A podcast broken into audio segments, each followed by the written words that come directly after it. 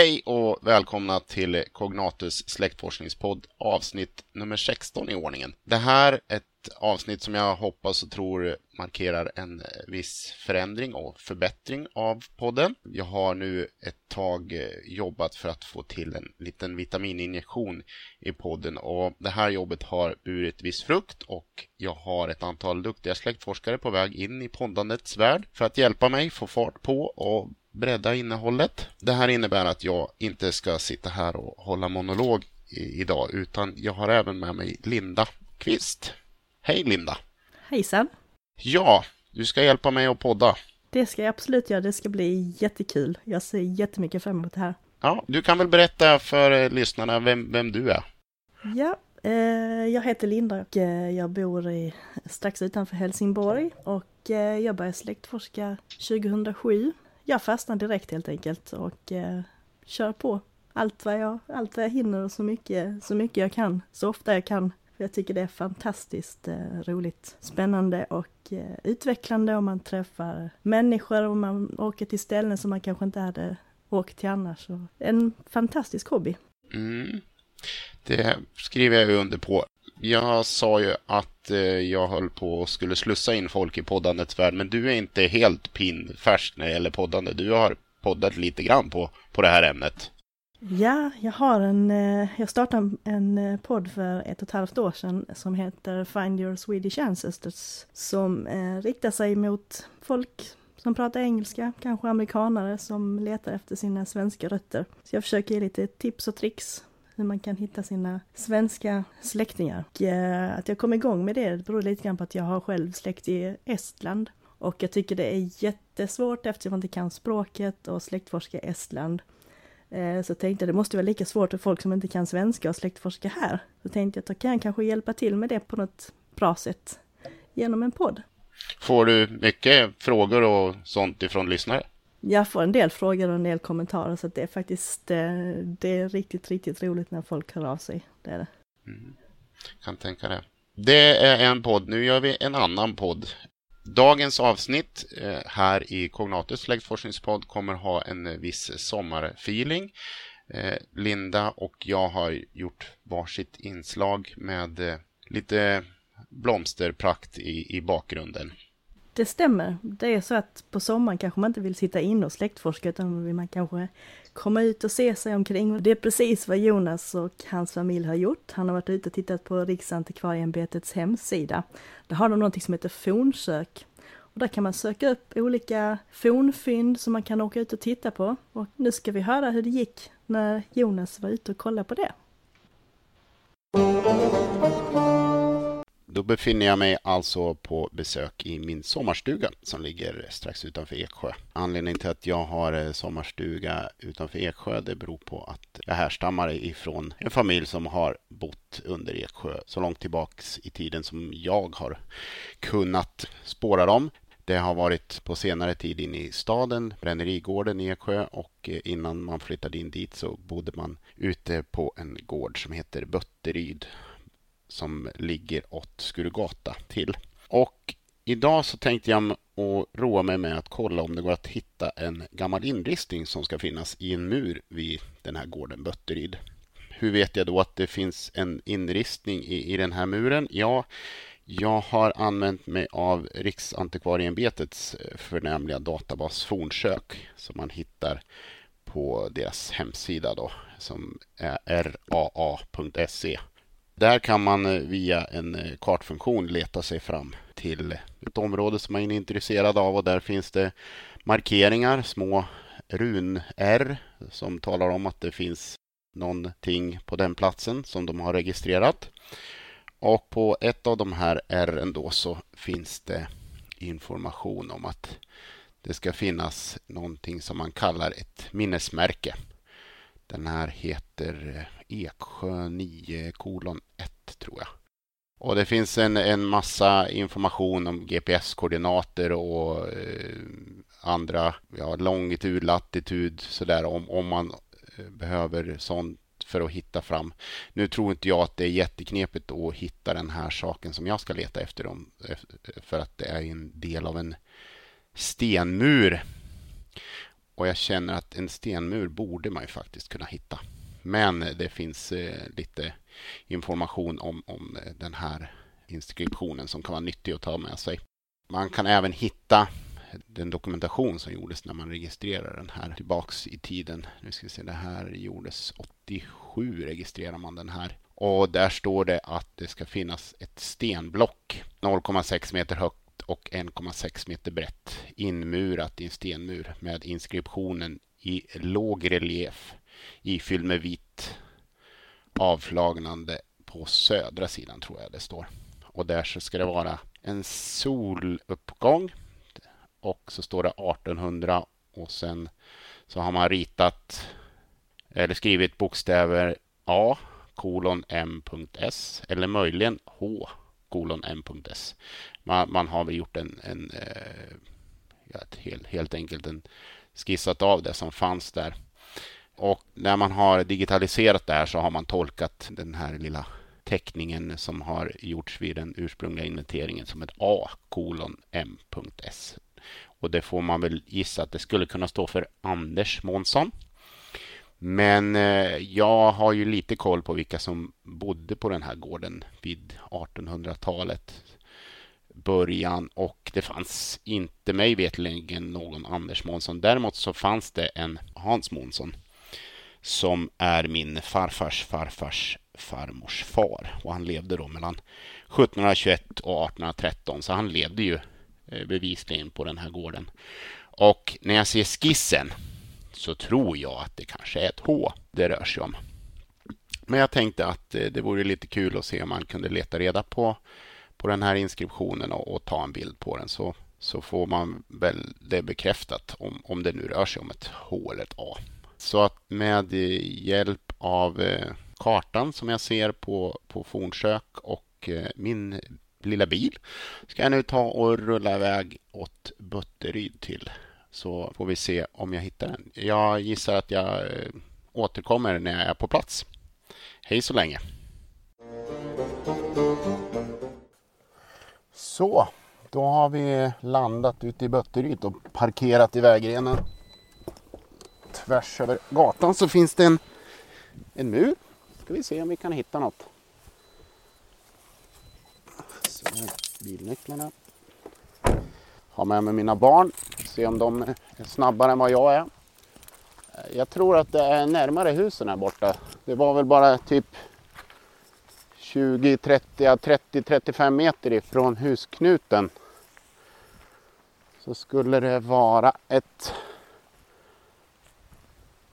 stenblock. En och, vad sa jag, 1,30 brett 60 högt. Det är mycket stenmur i Småland. Mycket sten överlag. Vi ser vem som hittar det först då. Annars kanske vi får fråga någon här. Håll er in till vägkanten.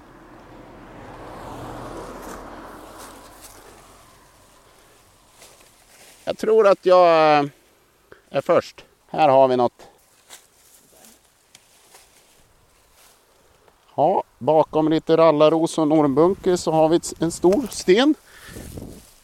Men eh, det var ganska svårt att se.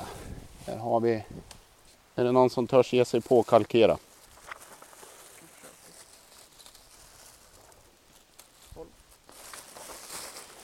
Eh, det var tur att dottern hade ritpapper och kritor med sig på semestern.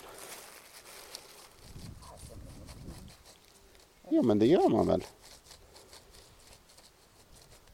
En, två nollor har du kalkerat fram där. Ganska stor text. Hade, hade du mer papper gumman? Då får du försöka få med ettan och åttan där då.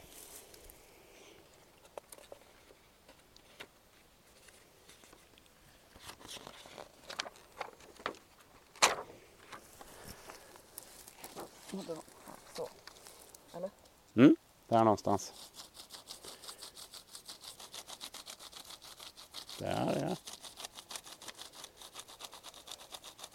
Det här är ju fornminne så man skulle man få för sig att fylla i texten så tror jag att man bryter mot eh, lagar och förordningar. Så där, nu har vi kalkerat en del. Då behöver vi lite mer papper. Kom, ja, ja, det ska vara efteråt och sen så skulle det vara en soluppgång ovanför. Vänta. Eh, jag tar bort lite mossa. Eller ser vi solen någonstans? Där är den nog ja. Vänta. Jag ska bort lite mer mossa så får du kalkera sen. Tror folk i husen här undrar vad vi håller på med.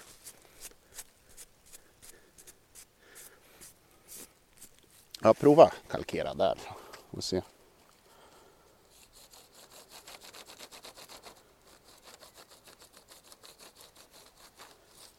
Ja, den där var, solen var lite svårtolkad. Men ja, där fick, ja, du var nere här. här. Här ser man ju, här är det något sånt. Men då har vi, då har vi det intressanta, då har vi bokstäverna här borta. Då behöver vi ett papper till.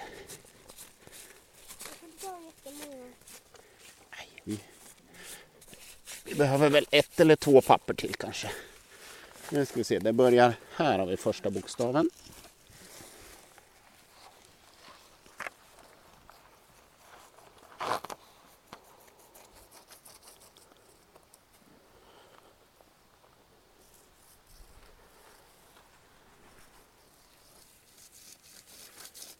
Är den mystiska bokstaven där.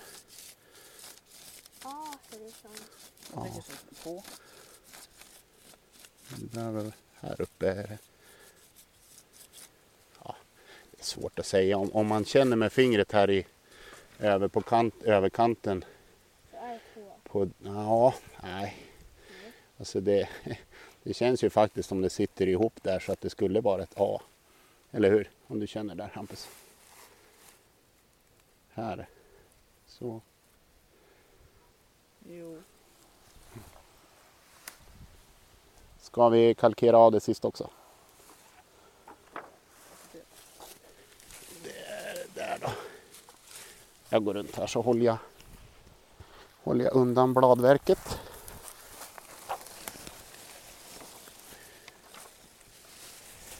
Eh, Där var A så du har ett M där någonstans ett S där tror jag.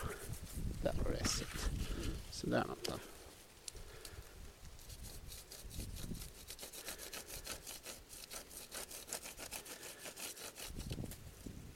Där. Perfekt. Mm. MS. Ja, då har vi fått fram Månsson i alla fall. Vi kan väl gå en sväng och titta hur det ser ut här. Så, då har jag landat hemma och får börja fundera över vad den här exkursionen har gett. Jag tycker ju att det var trevligt att vi hittade det vi letade efter, men jag fick ju inte riktigt det svar som jag hade hoppats på. Det som har tolkats som ett A såg ut som ett A och min teori om att det skulle vara ett H fick inte något stöd överhuvudtaget. Men om man ska vara lite spekulativ så kan det ju vara så att den här stenen har skadats med tiden. Så att det helt enkelt har blivit ett A av detta H. Men eh, då drar jag nog mina spekulationer ganska så långt skulle jag tro. Är det så att ni är intresserade av att se det vi har kalkerat av så kan man hitta en bild på Cognatus Facebook-sida. Jag tycker det var trevligt att vi hittade den här inskriptionen och den har ju trots allt med min eh, fädernesgård att göra och det kanske kan vara gott nog det. Så jag hoppas att det här kan fungera som inspiration för er där ute. Använd er av eh, Riksantikvarieämbetets kartsök och leta efter liknande saker i trakterna av era förfäders gårdar så kanske ni också stöter på saker som ni kan ge er ut i buskaget och undersöka vad det är frågan om. Det kan väl vara lite spännande att eh, kombinera arkeologi med genealogi. Eh, jag tyckte det här lät jätteintressant så att eh, jag var själv inne och tittade på den här hemsidan från eh, Riksantikvariatsämbetet. Och då gick man som sagt var in under fornsök. Och om jag sökte där som jag bor så hittade jag att det fanns en hel del här runt omkring. Det var i och för sig mycket sådana här gamla stenåldersyxor som man hade hittat. Men det fanns även en gammal silverskatt som jag tyckte var jättespännande för det tror jag inte att jag har hört talas om innan och det kanske var bara ett par, fem, 600 meter från var jag bor. Så det tyckte jag var riktigt spännande. Och sen så finns den här, eh, det finns en app som man kan ladda ner till sin telefon som heter Fornfynd. Och eh, om man går in i den och så talar man om att jag tillåter att du får se min position så dyker det upp sådana här olika fornfynd runt omkring en som man kan klicka på och så kan man läsa vad det finns för någonting. Så den kan man rekommendera att ha med sig på, man åker på semester och ser om det finns något spännande i närheten att titta på. Den där appen hade ju jag faktiskt eh, missat när jag eh, gav mig iväg. Men eh, eh en, en, kartbild, det, det fungerade också. Men jag ska ta och ladda ner den där appen direkt när vi har spelat in det här avsnittet. Men eh, vad gör du på sommaren när det blir lite för varmt för att sitta inne framför datorn och, och titta i kyrkböcker? Eh, då kanske jag tar och läser en bok.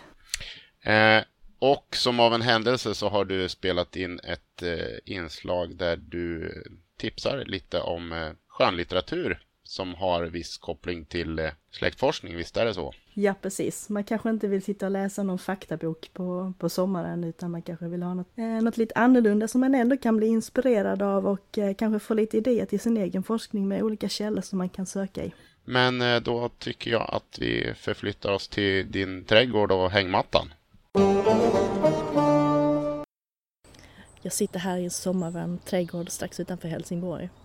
Solen skiner, Fåglarna kvittrar och i luften blandas doften från rosor med nyss utslagen lind. Jag tror att många lägger sitt släktforskande lite åt sidan nu när solen skiner ute. Men jag tänkte tipsa om tre böcker att läsa i sommar. Den första är Herr Isakovits skatt av Danny Vatin. Och jag tänkte läsa några rader från det inledande kapitlet. Min farfar berättade nästan ingenting om sitt förflutna. Inte om sin uppväxt som jude i 20 och 30-talets Tyskland, inte om sin familj och inte om hur han hamnade i Sverige. Jag vet inte varför han inte sa någonting om vem han var eller varifrån han kom. Kanske var han rädd för att minnas för mycket. För rädd, det var han. Och hans barn visste bättre än att fråga. Det var inte en sån familj än där man ställde frågor. Vissa saker snappade min pappa givetvis upp ändå. Som att min farfar Erwin växte upp i en småstad som hette Marienwerder. Att han älskat sin mor och ogillat sin far. Samt att hans familj hade drivit en herrklädsaffär. Mycket mer än så var det inte. Faktum är att min farfars bakgrund hade så låg prioritet som samtalsämne att min pappa, när jag frågade om hans egen farfars namn, var tvungen att slå upp det i sin släktforskningstabell. Denna fyller i när släktingar till honom föds och när de dör. Som barn och barnbarn till förintelseöverlevare har en syssla som släktforskning onekligen sina unika fördelar och nackdelar. Till exempel är det ganska enkelt att ta reda på när en släktingar dog eftersom nazisterna var så pass bra på att dokumentera det de gjorde under kriget. Nackdelarna är väl i så fall att det inte finns särskilt mycket släkt kvar att forska på och att de grenar av släktträd som fortfarande existerar numera växer i helt olika delar av världen. Dessutom är relationen dessa kvarvarande grenar emellan mycket komplicerad, på gränsen till obefintlig. Detta trodde vi som tillhör den svenska delen av familjen berodde på att min farfars lillebror i Argentina, som är den enda av hans tre syskon som fortfarande är vid liv, inte ville ha med oss att göra. Varför visste vi inte. Men eftersom vi, liksom alla andra män i den vatinska klanen, är lika känsliga som vi är snarstuckna, ville vi i så fall inte ha något med honom att göra heller. Och förresten, menar min pappa, behöver man faktiskt inte ha kontakt med folk bara för man är släkt. Ibland räcker det gott med att veta när de föds och när de dör. Men innan denna historia skenar iväg i allt för detaljerade släktbeskrivningar kan det vara på sin plats att avslöja den sak som min farfar berättade för sina barn. Att hans pappa, Herman Isakovits, innan han försvann grävde ner det värdefullaste han hade vid ett träd på sin tomt. Detta är en historia jag har hört många gånger under årens lopp, av min pappa såväl som av min farbror. Men om jag ska helt ärlig har jag inte tänkt särskilt mycket på saken. Det var bara en släkthistoria bland många andra. Alla mina far och morföräldrar var trots allt judiska flyktingar med livshistorier mer dramatiska än de flesta romaner. Så nedgrävd liten sak var inte direkt någonting som fick mig att hoppa högt. Annat var det med min äldsta son Leo då han fick höra talas om detta för några år sedan. Va, sa han, har vi en skatt? Ja, sa jag, jag antar att vi kan säga att vi har det. Min farfar trodde det i alla fall. Fast skatt och skatt, jag vet inte. Vad är det för skatt? Är det guld? Jag vet inte, sa jag, men jag gissar att det måste vara det värdefullaste han hade. Kanske smycken eller personliga saker. Det var många som gjorde det på den tiden, grävde ner sina saker. Gjorde de? Varför då? Så att de skulle kunna gräva upp dem senare när de kom tillbaka. Gjorde de det? Vadå? Grävde upp sakerna? Nej, sa det gjorde de nog inte. Varför inte? Ja, för att tyskarna, ja tyskarna hade hämtat dem, alltså de hade förts till. Då måste vi hämta den. Vadå? Skatten Danny, vi måste hämta skatten. Jag såg på min son. Det här var för sisådär två år sedan, så han måste ha varit runt sju. Han hade fortfarande den där öppna blicken, den som barn upp till en viss ålder har och som är så underbart naiv och klarsynt på samma gång. Och han hade sett någonting så uppenbart som jag i all min vuxenhet hade missat, nämligen att om man har en skatt måste man naturligtvis åka och leta rätt på den. Han hade givetvis rätt. Ju mer jag tänkte på det, desto mer övertygad blev jag. Det som främst lockade mig var dock inte möjligheten att gräva upp värdefulla saker. Jag hade betydligt mer storslagna planer än så. Detta skulle bli en pilgrimsfärd där tre generationer män, jag, min son och min pappa, reste tillbaka för att utforska familjens ursprung. Det skulle bli en helande resa, en förståelsens resa. En resa under vilken vi tre skulle komma varandra närmare och upptäcka allt det som, trots våra många olikheter, ändå förenade oss. Sån var min plan. Så börjar boken och vi får följa med Danny, hans far och son på resan de gör för att utforska sin släkt. Just det här med att resa till platser där en släktingar har levt och verkat är väl något som släktforskare ofta gör. Boken den är både rolig och gripande och dessutom ganska lättläst. Bok nummer två heter Med en blick över axeln och är skriven av Daniel Walusewski. Även denna bok handlar om en farfar, Czeslaw Walusewski, som kom till Sverige efter att ha suttit i koncentrationsläger i Tyskland. Boken baserar sig på akter från Säpo och myndighetsarkiv som Daniel har forskat i. Efter att Czeslaw kommit till Malmö 1945 hamnar han i olika utlänningsläger och jag tänkte läsa ett avsnitt där han får besök av ett par legationstjänstemän från Sovjet. En vacker vinterdag när jag förberedde mig för att cykla till Rengsjö sökte lägerchefens assistent Hilding Karneskog upp mig. Han var en vänlig ung man som jag hade lärt känna redan i Bergalägret. Nu var hans ansiktsuttryck bekymrat. Han fingrade nervöst på det mörka hårtester som delvis täckte hans panna. Herr Walusewski, ni har besök. Förvånat höjde jag på ögonbrynen. Jag väntade inte på någon. Kanske var det redaktör Wallén som var på artighetsvisit. Innan jag hann fråga vände sig Karneskog om och gick mot matsalen. Jag följde efter honom in i den stora baracken där två män väntade. De var oklandigt klädda i mörka kostymer och var sin hög hatt. Den ene var stor och tjock, hade en kraftig mustasch och grova ögonbryn. Den andra var rödlätt, tunn och spänslig. Männens olikheter gjorde deras gemensamma uppenbarelse närmast skrattretande. Jag var dock långt ifrån road. Männen hade det sovjetiska statsemblemet på kavajslagen. Kylan spred sig inom mig. Av de andra polackerna i Sunnerstaholm hade jag hört att den ryska säkerhetspolisen sökte över hela Europa efter element som kunde tänkas uppvigla mot kommunistregimen i Polen. Ryktena sa att ryssarna riktade sig in på överlevande från välbärgade familjer. Tanken på att jag skulle kunna tillhöra denna utsatta skara hade inte slagit mig, inte förrän nu. Jag stannade just innanför dörren för att ha en flyktväg om något skulle hända. Utan att göra någon ansats till att skaka hand med männen harklade jag mig. Ni ville träffa mig? Min röst darrade och mina ben kändes svaga. Jag tog ett litet steg bakåt och lutade mig mot dörrkarmen för att männen inte skulle märka att jag darrade av nervositet. Det slog mig att de kanske skulle bli förvånade över att jag inledde samtalet på ryska men deras ansiktsuttryck förrådde inga känslor överhuvudtaget. Mannen med den tjocka mustaschen log, ställde ifrån sin hatt och blottade en vattenkammad sidbena. Med en gest mot en stol bjöd han mig att sitta ner. Jag skakade bestämt på huvudet. Herr Mitt namn är Sergej Belov. Min kollega och jag är legationstjänstemän. Det innebär att vi handhar utrikesärenden som berör den sovjetiska staten. Vi har ett erbjudande till er. Mannen talade med len röst som stod i skarp kontrast till hans enorma kroppshydda. Som ni vet har er hemstad Lov uppgått i Sovjetunionen och eftersom ni är född i staden vill vi erbjuda er en möjlighet att erhålla ett sovjetiskt medborgarskap. Hans ord fick mig att häpna. Förslaget var oförskämt, på gränsen till förolämpande. Som medborgare skulle ryssarna försöka locka mig till Sovjet. Om jag vägrade skulle de kunna få mig utlämnad. När jag väl hade förts dit skulle jag helt säkert sättas i fångläger eller avrättas. Ilskan vällde upp inom mig. Inte nog med att de hade lagt beslag på min hemstad. Uppenbarligen trodde de att jag var en komplett idiot som de kunde lura till att skriva under sin egen dödsdom. Vilken fräckhet! Om ni omedelbart accepterar erbjudandet kan det hela gå mycket fort. Den sovjetiska staten är väldigt angelägen om att ta hand om sina rättmätiga medborgare. Legationstjänstemannen tolkade min tystnad som att jag begrundade hans propå. Han tog upp en kam ur fickan som han drog genom sitt redan tillrättalagda hår. Allt medan han log insmickrande. Det var en motbjudande syn. Hela hans inrepeterade monolog kändes som ett hån. En svag röst i mitt inre uppmanade mig att lägga band på mitt raseri, men det var för sent. Nu ska ni lyssna på mig, herr Belov. Jag har inga planer på att söka medborgarskap hos den skurkstat som orättmätigt har stulit min hemstad och ockuperat mitt hemland. Jag är polack, inget annat. Och jag försäkrar er att om jag någonsin ska bli medborgare i något annat land än Polen så är Sovjet det sista jag skulle välja. Jag spottade fram orden och min röst dröp av förakt. Legationstjänstemännen kunde inte undgå att uppfatta mitt hat. Polen är ett fritt land, herr Walusewski. Ni ska akta er för att påstå något annat. Om ni ser er som polack bör ni genast återvända till Polen.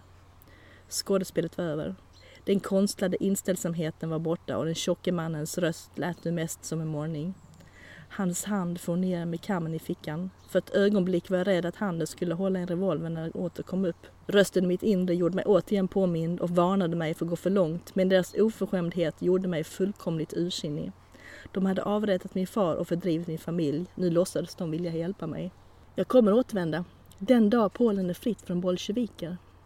Jag rätade på mig för att visa att jag inte var rädd. Männen stirrade på mig. De verkade närmast chockade över att få sådan vrede riktad mot sig. Jag föreslår att ni lämnar detta läger omedelbart. Varje minut här är bortkastad. Min andhämtning var ansträngd och det var nära att rösten svek mig. Männen fortsatte att blänga på mig. I ögonvrån såg jag Karneskog stå i dörröppningen. Han gapade av förvåning. Han talade inte ryska och kunde alltså inte förstå vad som sades men andemeningen hade med all tydlighet framgått för honom. Som på kommando började två legationstjänstemännen gå mot dörren. När de passerade mig saktade den fete mannen in sina steg.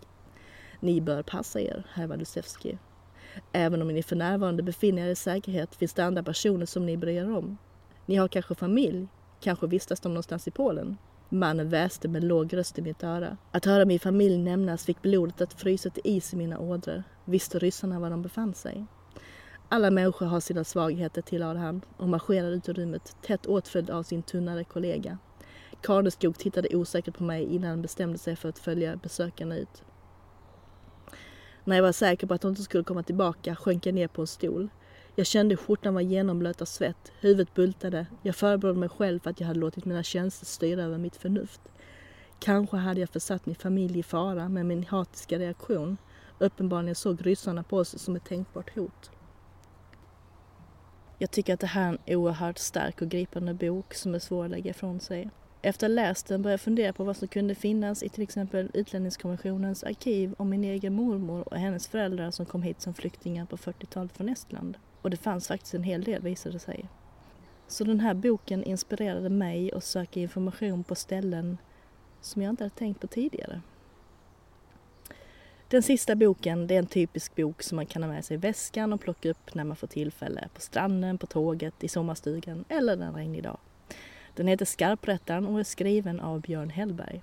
Det är en deckare och på baksidan kan man läsa följande. Som nybliven pensionär börjar Jack Gunnarsson ägna sig åt släktforskning.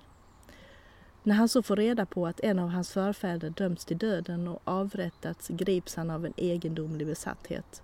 Han vill till varje pris luska ut så mycket som möjligt om den kusliga händelsen. I samma veva drabbas staden av en skrämmande våldsvåg. Med ungefär ett dygns intervall utsätts traktens invånare för dödssyftande attacker, till synes helt utan urskiljning. En allt mer frustrerad och förvirrad Jack Gunnarsson frågar sig om det på något makabert vis hänger samman med det som skedde på Gallbacken flera hundra år tidigare. Har den obevekliga böden återkommit i nutida skepnad? Skarprättaren Sten Walls 20 fall och ett av dem som vållat den populära kommissarien störst huvudbry. Som sagt, en bok som man kan ha med sig och plocka upp och läsa lite då och då när man får tid. Jag hoppas att ni kanske blir inspirerade till att läsa någon eller kanske alla av de här böckerna som jag har pratat om. Ha en fin sommar! Det var ju trevligt med lite lästips. Eh, det behöver jag själv ta fasta på för att jag har precis eh, avrundat min senaste bok som också är kanske lite av ett något man kan ta så här i sommartid om man har ett släktforskarintresse. Eh, jag fick i julklapp en bok som heter Ett jävla solsken som säkert många har hört talas om. Den vann Augustpriset för Årets svenska fackbok 2017 och det är ju då en biografi om Ester Blenda Nordström. Eh, en fullständigt fascinerande kvinna som eh, är först med mycket. Eh, hon wallraffar långt innan Wallraff själv visste att han skulle pyssla med sånt. Hon, hon reser och besöker platser som man kanske inte gjorde så ofta på, på den här tiden när det begav sig i början på 1900-talet. Och hon umgicks i en, i en krets av eh, Sveriges kulturelit och, och, och hennes liv är ytterst fascinerande att läsa om. En bra sak med boken är att den är eh, formulerad eller skriven på ett sånt sätt som jag själv skulle vilja skriva en bok. Om, om jag hittade en tillräckligt intressant släkting i mitt släktträd så skulle jag vilja skriva den här boken på det sättet. Fatima har hittat väldigt många olika källor. Det är brev från, från släkt, från vänner, från, eh, fr från hennes arbetsgivare och författaren har lyft ut mycket av det här och vävt det samman till, till en berättelse som följer en tråd, det vill säga Ester Blendas liv att hon har lagt ner ett väldigt gediget jobb. Det, det, märkte man när, när plötsligt boken tog slut så tänkte jag att men vad är, vad är det här? Jag har ju ett, ett massvis med sidor kvar att, att, läsa. Men så insåg jag att att det, att det rörde sig om källförteckningen. Eh, och det hör ju inte till vanligheterna att en sån här bok har en, en omfattande källförteckning på kanske, ja, nu har jag inte boken fram, framför mig, men det rörde sig säkert om 20 sidor med bara källor som hon hade använt sig av i arbetet med den här boken. Så utöver eh, Lindas tre tips så tycker jag det här också kan vara en, en trevlig sommarläsning. Då ska jag eh, kolla upp den och se om jag ska läsa den nu i sommar också. Det tycker jag absolut. Det avslutande inslaget i det här poddavsnittet kommer att bli den fjärde och avslutande delen av eh, Ann Stenbergs berättelse om Carl de Motoni i Palacios liv. Den här berättelsen som Ann Stenberg har eh, jobbat ihop under många, många år har ju tagit väldigt lång tid och tagit henne till annorlunda ställen för att eh, leta uppgifter. Och, eh, och det är inte omöjligt att vi kanske får en pratstund med Ann i ett eh, avsnitt framöver. Hon har flaggat för att vi skulle kunna göra något, men vi får se om det kan bli något av det. Här kommer då den fjärde och avslutande delen av Carl de Motonia i Palacios liv.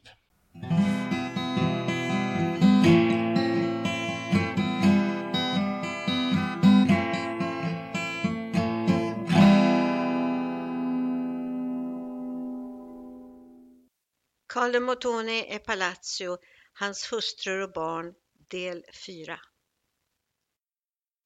Vad hände med Antoinette Schön?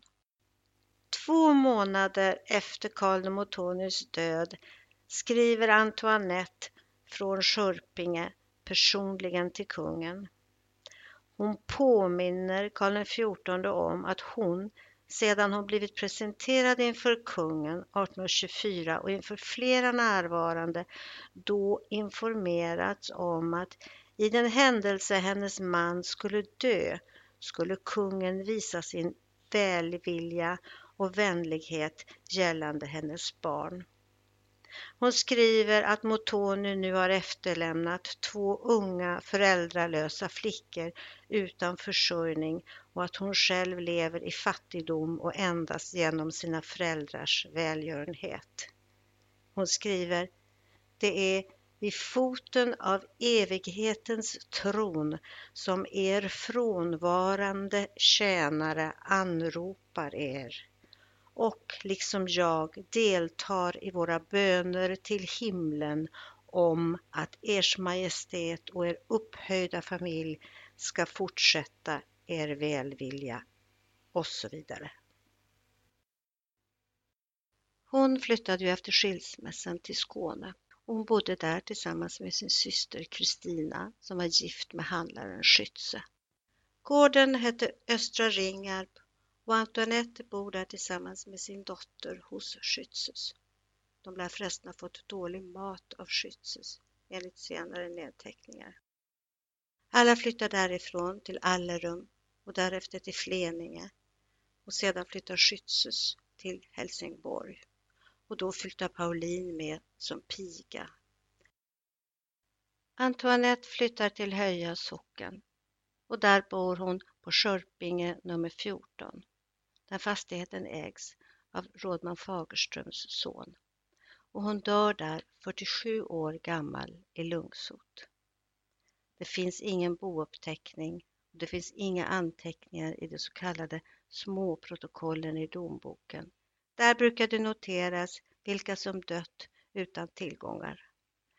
När Kristina Schütze blir änka försörjer hon sig genom att ge språklektioner och Pauline bor tillsammans med henne.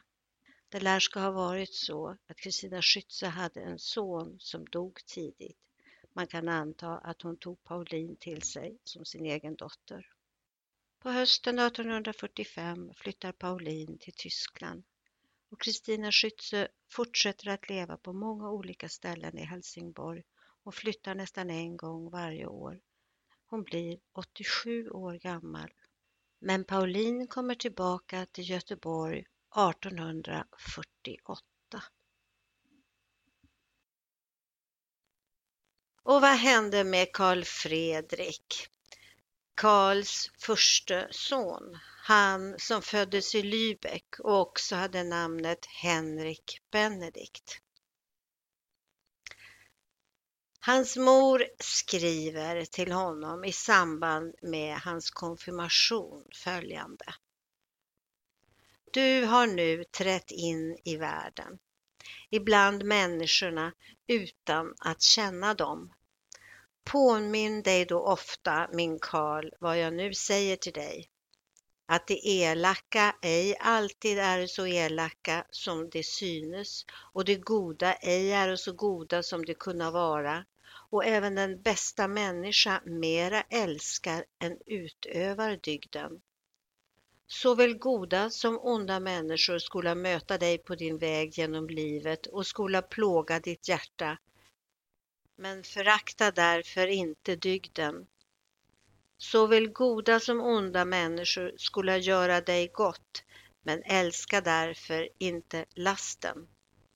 Och skulle erfarenheten omsider lära dig, då ditt hjärta ännu tvivlar därpå, hur lite goda människorna är, så förakta likväl icke människor. Betänk att den eviga visheten aldrig kan finna den människan föraktlig då hon alltjämt rikligen välsignar henne. Förgät aldrig att även sådana män som Sokrates vore människor, att till en skön harmoni hörer även den obehagliga stämningen av instrumenterna och att utan gödsel blev ingen skörd. Dina passioner skola vakna och oftare än människorna bedraga dig det kunna göra dig både högst lycklig och högst olycklig. Förgäves skulle jag säga dig, det gives ingen sorg, det gives ingen glädje, ty jag har känt bägge. När du är lycklig eller olycklig, att både glädje och sorg är förgängliga och att du står alltid på din grav.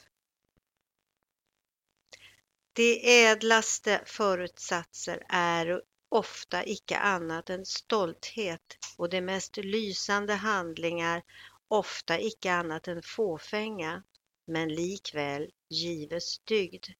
Det gives ädelstenar, vilka ehuru små likväl äga ett värde av hela kungariken. Det gives tankar, känslor, beslut, handlingar som är dolda för hela världens ögon och som likväl uppväga hela seklers dygder. Glöm slutligen aldrig att den största av alla olyckor är att hava förtjänat den, likväl den tillfredsställelsen att vara värd lycka är den högsta av all sällhet. Efter kadettutbildningen på Karlberg börjar Karl Fredrik på Svea artilleriregemente och han flyttar till Ladugårdslandet. Redan som 17-åring får han lön och han utbildar sig alltså till sergeant. När han är färdig med sin utbildning tar han ut sitt betyg och det här är 1835. Och han befinner sig efter detta på obefintlig ort enligt Svea artilleriregemente. Men enligt senare berättelse har han rest till Sankt Petersburg och där roat sig med den ryska adeln. Där hamnade han på sjukhus, men det visade sig att han inte var sjuk. Han hade helt enkelt inte haft tillräckligt med pengar för att kunna äta. Och när man upptäckte det så skickade man hem honom. Året efter blir Karl Fredrik stämd och lagsökt därför att han inte har betalat en skräddarmästare för en kostym och en uniform som han har beställt och hämtat ut. Karl Fredrik försvarar sig och skriver till rätten att han tyvärr inte var tillräckligt mogen och han trodde nog att hans pappa skulle betala för kostymen och han ber väldigt mycket om ursäkt.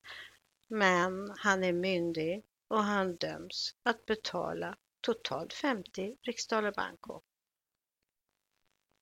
Han försörjer sig genom att arbeta inom Stockholms militärkorps och han är skriven i kvarteret Sturen Minsta på Södermalm i Stockholm där flera andra sergeanter också arbetade. Han får gå nattvakt och ta hand om berusade personer och andra som inte får vistas ute på nätterna i området. När Karl Fredriks far dör hjälper Israel av Ekenstam honom så att han får göra praktik på Blockhusuddens tullhus. Och därefter flyttar Karl Fredrik ett kort tag till Åhus i Skåne och han får anställning som kustsergeant. I Skåne träffar han sin blivande hustru Elna Larsdotter. Hon är åtta år yngre än Karl Fredrik och är född i Karoli församling i Malmö och dotter till en åkerbrukare och borgare Lars Jeppsson.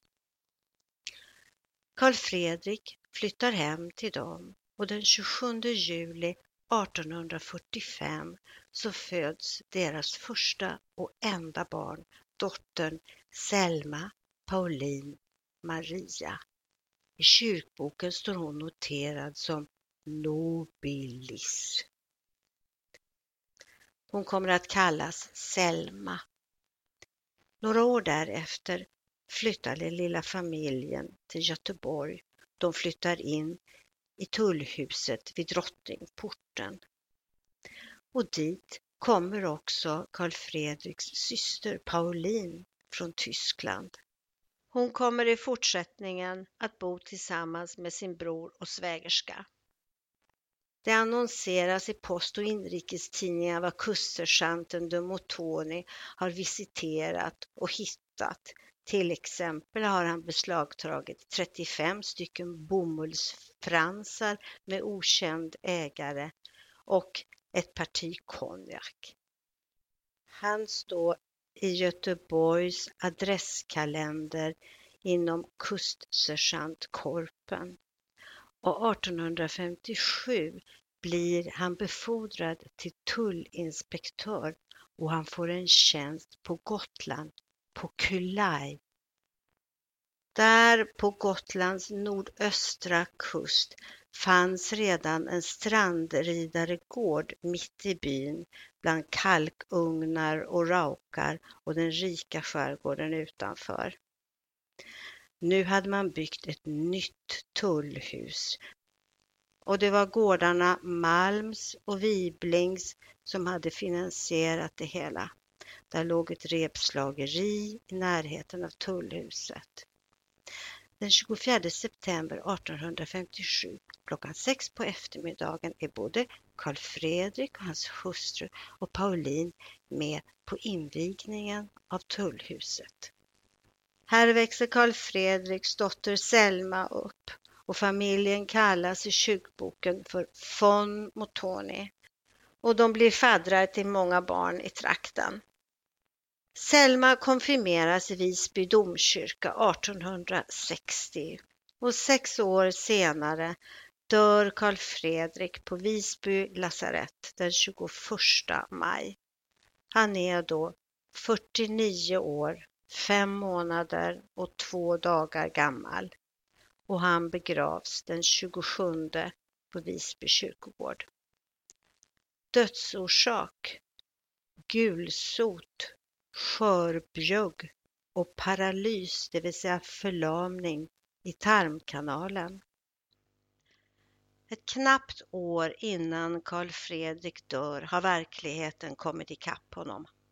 Sparbanken Sällskapet DBV, Visbys numera legendariska bank där DBV står för De badande vännerna, i vars styrelse Visbys handelsmän och rådmän satt, har beviljat honom, både privat och genom banken, ett stort lån på 900 riksdaler banco. Karl Fredrik hade en lön på 800 riksdaler banco per år. Och Karl Fredrik har inte betalt varken ränta eller lånet och han har försökt att förhandla om avbetalningar med sina kreditorer. Han har gått med på införsel på lönen, han har tagit ut svenska silvermynt ur Lebensversicherungsgesellschaft där han har en försäkring i Lübeck.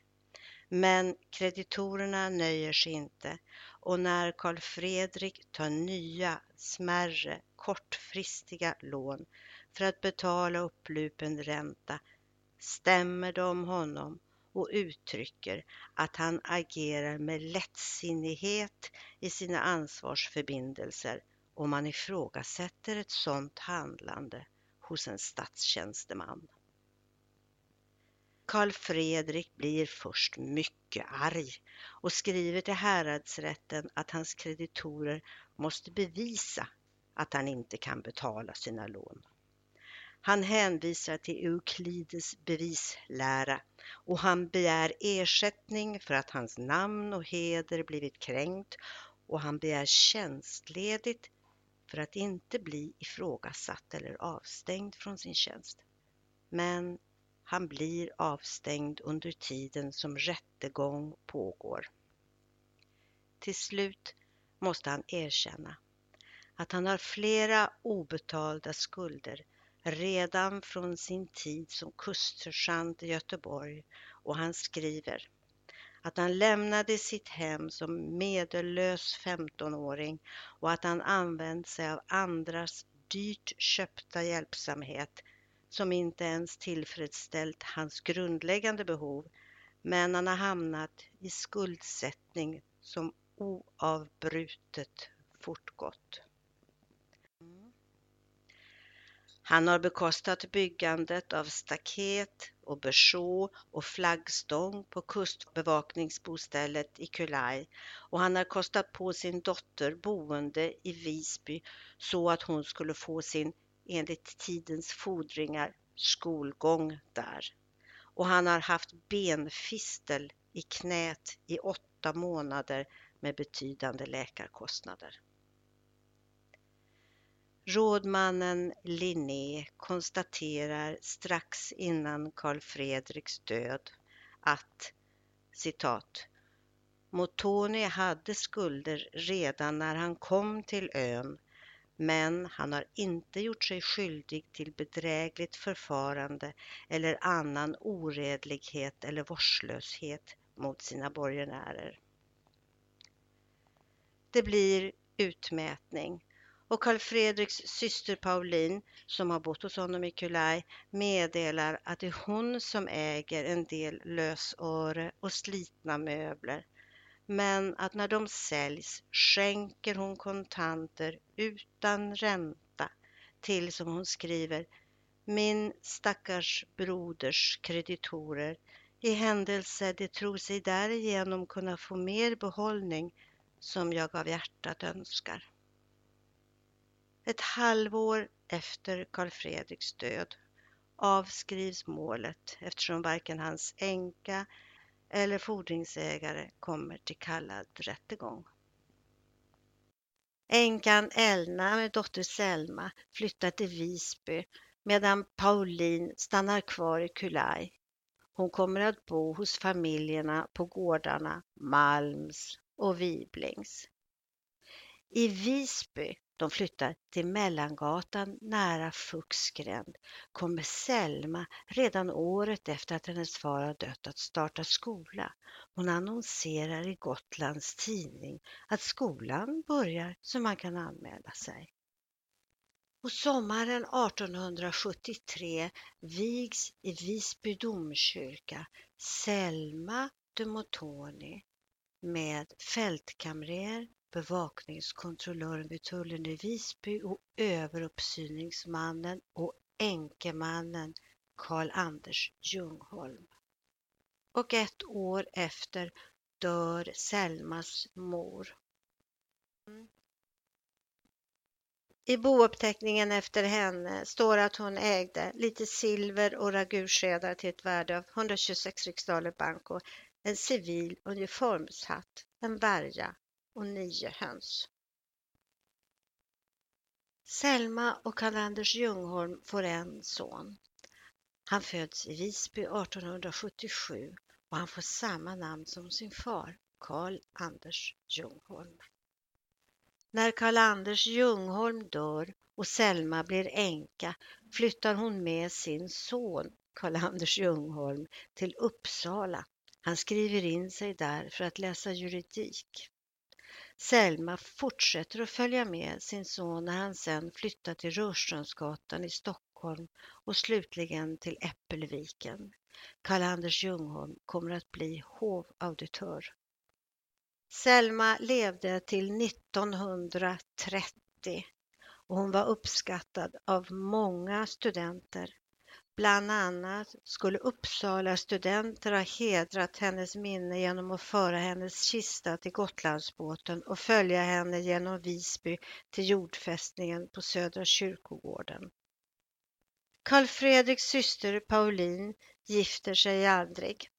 Hon stannar kvar på östra Gotland och hon flyttar efter sin brors död till Viblings och till Rute och till Nors och till Bräntings där hon dör den 16 december 1878, 55 år gammal.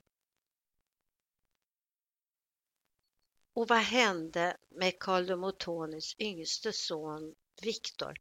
Han som var född i Salem 1818 och hade varit med om skeppsbrottet.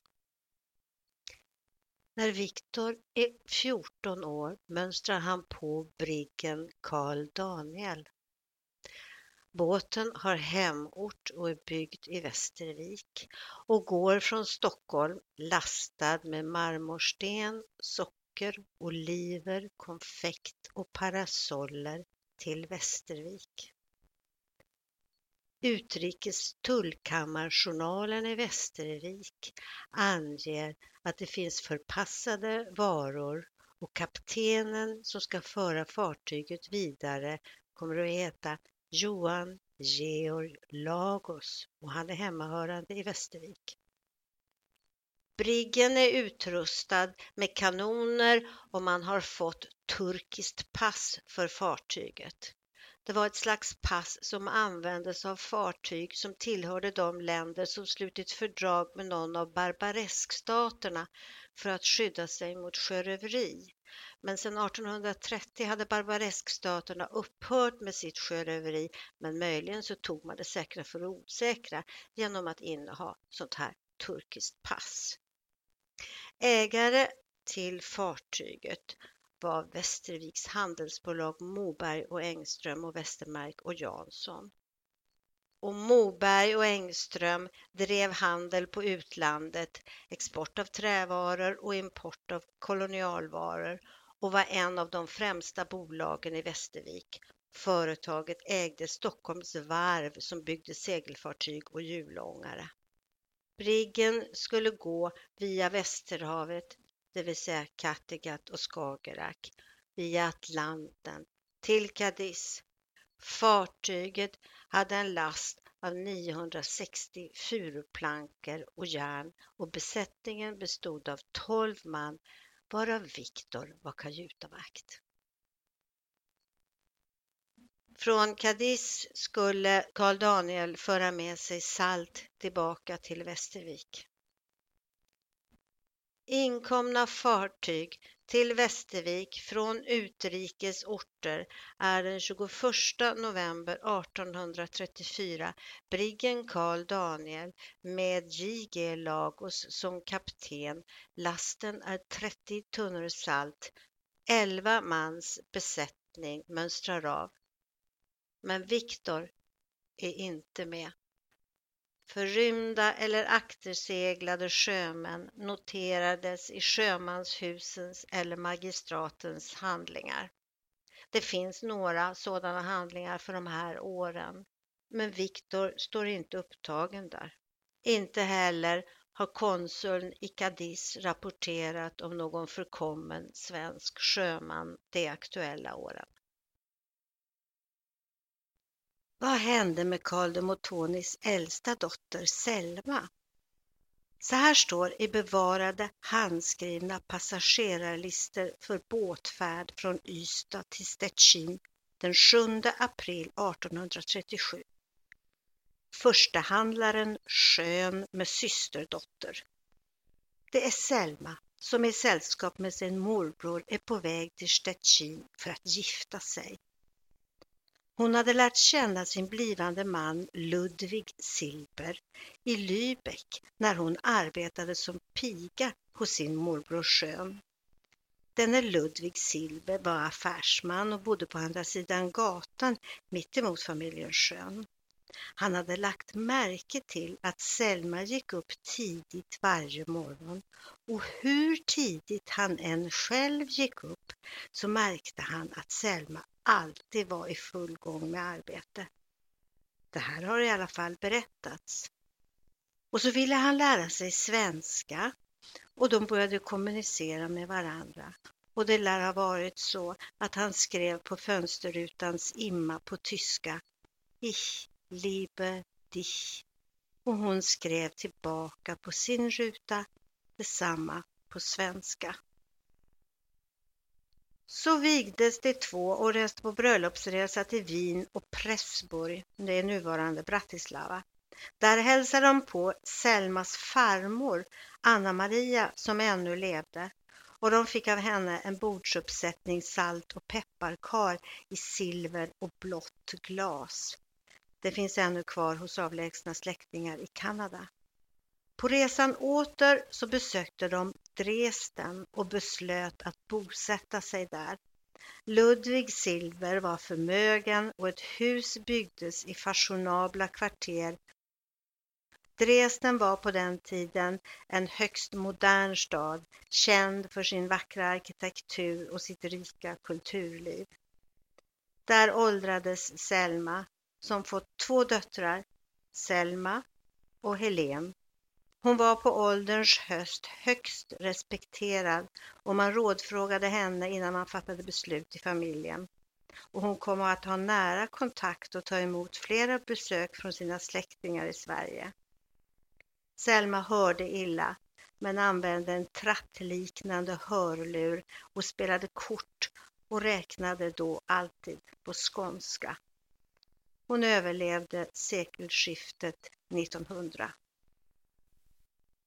Karl de Motonis änka Jutilda och hennes dotter Maria hade flyttat till Hökmossen och 1843 flyttar Jutilda med lilla Maria och Edla som är Jutildas syster och har bott med familjen hela tiden till Göteborg. De flyttar till Israel av Ekenstam, Götilda och Edlas pappa. Han arbetar där som extra distriktschef vid tullen. Israel hade blivit dömd att i häradsrätten avträda Rådmansö kungsgård. Maria kommer att växa upp hos sin mor, morfar och mormor. Först i Göteborg. Men i Göteborg har tullkassören Bergvall rymt med tullkassan och Israel döms i Högsta domstolen att ersätta staten med 1102 riksdaler banco. Strax efter blir Israel tullinspektör på Blockhusudden, Stora Sjötullen i Stockholm och familjen flyttar dit. Maria konfirmeras och hon och Jutilda och systern Edla skrivs in i den icke-territoriella tyska församlingen i Gamla stan. Där verkar en Johannes Rotlib, den mycket omtyckta och populära kyrkoheden och doktorn som den högre Stockholms societeten nästan utan undantag gick och läste för. Israel anser att han är utomordentligt förträfflig och är engagerad i nykterhetsrörelsen och evangeliska brödraförsamlingen, de så kallade Hernhutarna och inte minst den nya pastorsadjunkten Johan Axel Olin. Israel skriver om honom, citat, han är otvivelaktigt den person som i Storkyrkan har största predikogåvor och tillika besitter en däremot svarande andlig bildning. Det är en sån trängsel i kyrkorna alla helger han predikar att det är svårt att kunna armbåga sig in i Guds hus.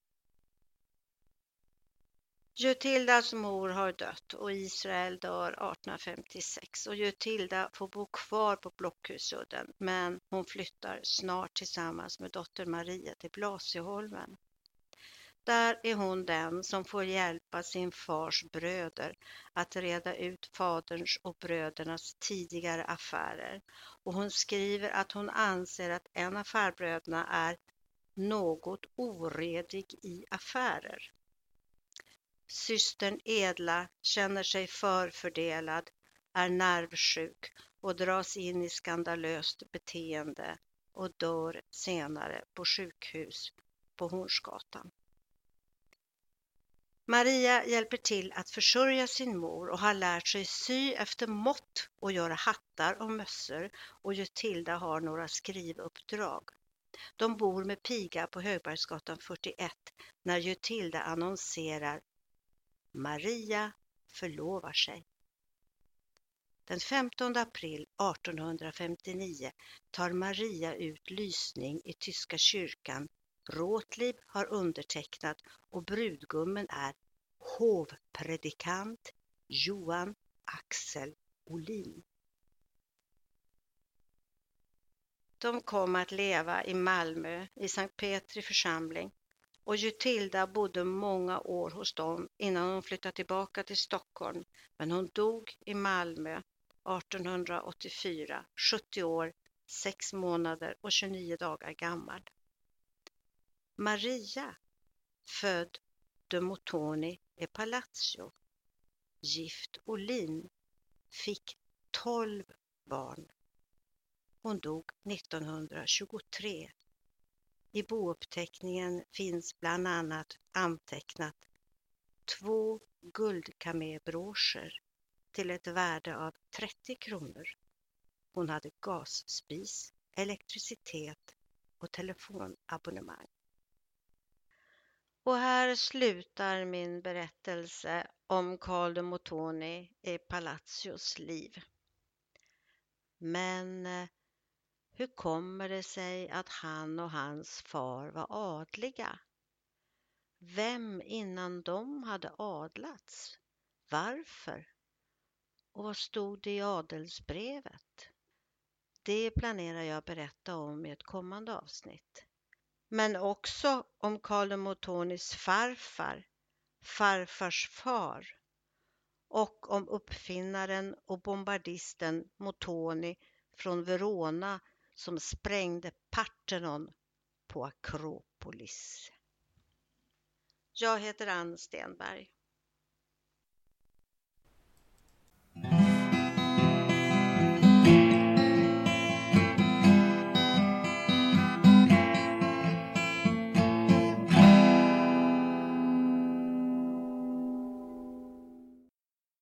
Ja, det här var alltså det sista avsnittet av Ann Stenbergs serie om Carl de Motoni i Palazzo. Och eh, det får avrunda det här programmet. Men vi kanske ska flagga lite för eh, hur man kontaktar podden och eh, hur man ser oss i sociala medier. Du Linda, du twittrar. Jag har ett, en Twitter som heter Linda Kvist. Kvist med KV hittar man mig.